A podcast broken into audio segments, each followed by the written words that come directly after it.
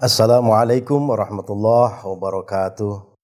Alhamdulillah wa syukurillah wa la hawla wa la quwata illa billah. Wassalatu wassalamu ala rasulillah wa ala alihi wa ashabihi wa mawalaha ma ba'd. Kaum muslimin dan muslimat, sahabat religi yang dirahmati Allah. Syukur Alhamdulillah kita memuji Allah sebagai tanda syukur kita kepadanya karena kita masih diberi kesempatan untuk bertemu dengan bulan agung, bulan istimewa, bulan suci Ramadan. Salawat dan salam kita persembahkan kepada Nabi kita Muhammad Sallallahu Alaihi Wasallam beserta keluarga dan para sahabatnya sekalian. Kaum muslimin dan muslimat, sahabat religi yang dirahmati Allah, bulan Ramadan adalah bulan agung, bulan penuh berkah, dan bulan yang sangat istimewa yang sangat didambakan oleh kaum muslimin khususnya oleh orang-orang yang beriman.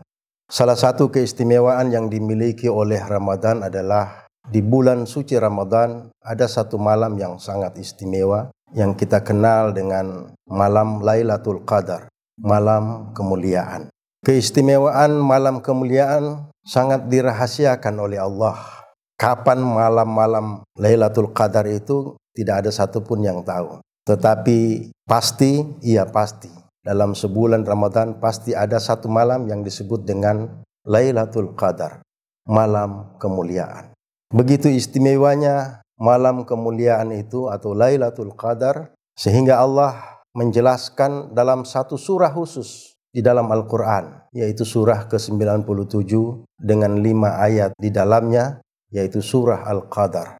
Allah berfirman, A'udzu billahi minasyaitonir rajim. Bismillahirrahmanirrahim. Inna anzalnahu fi lailatul qad. Wa ma adraka ma lailatul qad? Lailatul qadri khairum min alfi syahr. Tanazzalul malaikatu warruhu fiha biidni rabbihim min kulli am. Salamun hiya hatta madla'il fajr.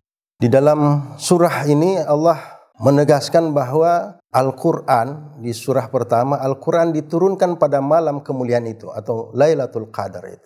Inna anzalnahu fi Lailatul Qadar. Sesungguhnya kami menurunkan Al-Quran itu di malam kemuliaan, yaitu bulan suci Ramadan. Inilah salah satu keistimewaan malam kemuliaan itu, karena di malam itu Al-Quran diturunkan. Lalu kemudian di ayat kedua Allah bertanya, "Wa ma adraka ma Lailatul Qadar?" Tahukah kamu apa itu malam kemuliaan? Biasanya sesuatu yang istimewa, sesuatu yang penting yang dikemukakan oleh Allah biasanya diawali dengan pertanyaan. Sama ketika Allah bertanya tentang hari kiamat. Al-Qari'ah, mal-Qari'ah. Kali ini Allah bertanya tentang malam kemuliaan. Wa ma adraka mal qari'ah? Tahukah kamu apa itu malam kemuliaan? Lalu Allah menjelaskan sendiri tentang malam kemuliaan itu.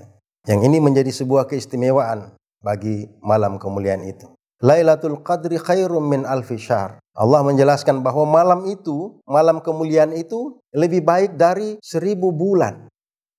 Artinya bukan sama dengan seribu bulan, tetapi lebih baik dari seribu bulan. Ketika kita menghitung seribu bulan dengan tahun, kita konversi, itu sama dengan 83 tahun lebih. Artinya bahwa keistimewaan malam kemuliaan itu ketika kita beribadah di malam itu lebih baik ibadah kita dari ibadah kita selama lebih 83 tahun lamanya. Luar biasa. Sebuah keistimewaan yang Allah berikan bagi kita kaum muslimin yang berpuasa di bulan suci Ramadan, khususnya ketika kita beribadah di malam Al-Qadar atau malam kemuliaan. Misalnya saja ketika kita melaksanakan sholat isya, malam itu bertepatan dengan malam kemuliaan, maka sholat isya kita malam itu lebih baik dari kita melaksanakan sholat isya selama 83 tahun lebih. Ketika kita membaca Al-Quran, satu dua ayat, satu lembar, maka lebih baik, lebih dari 83 tahun kita membaca Al-Quran.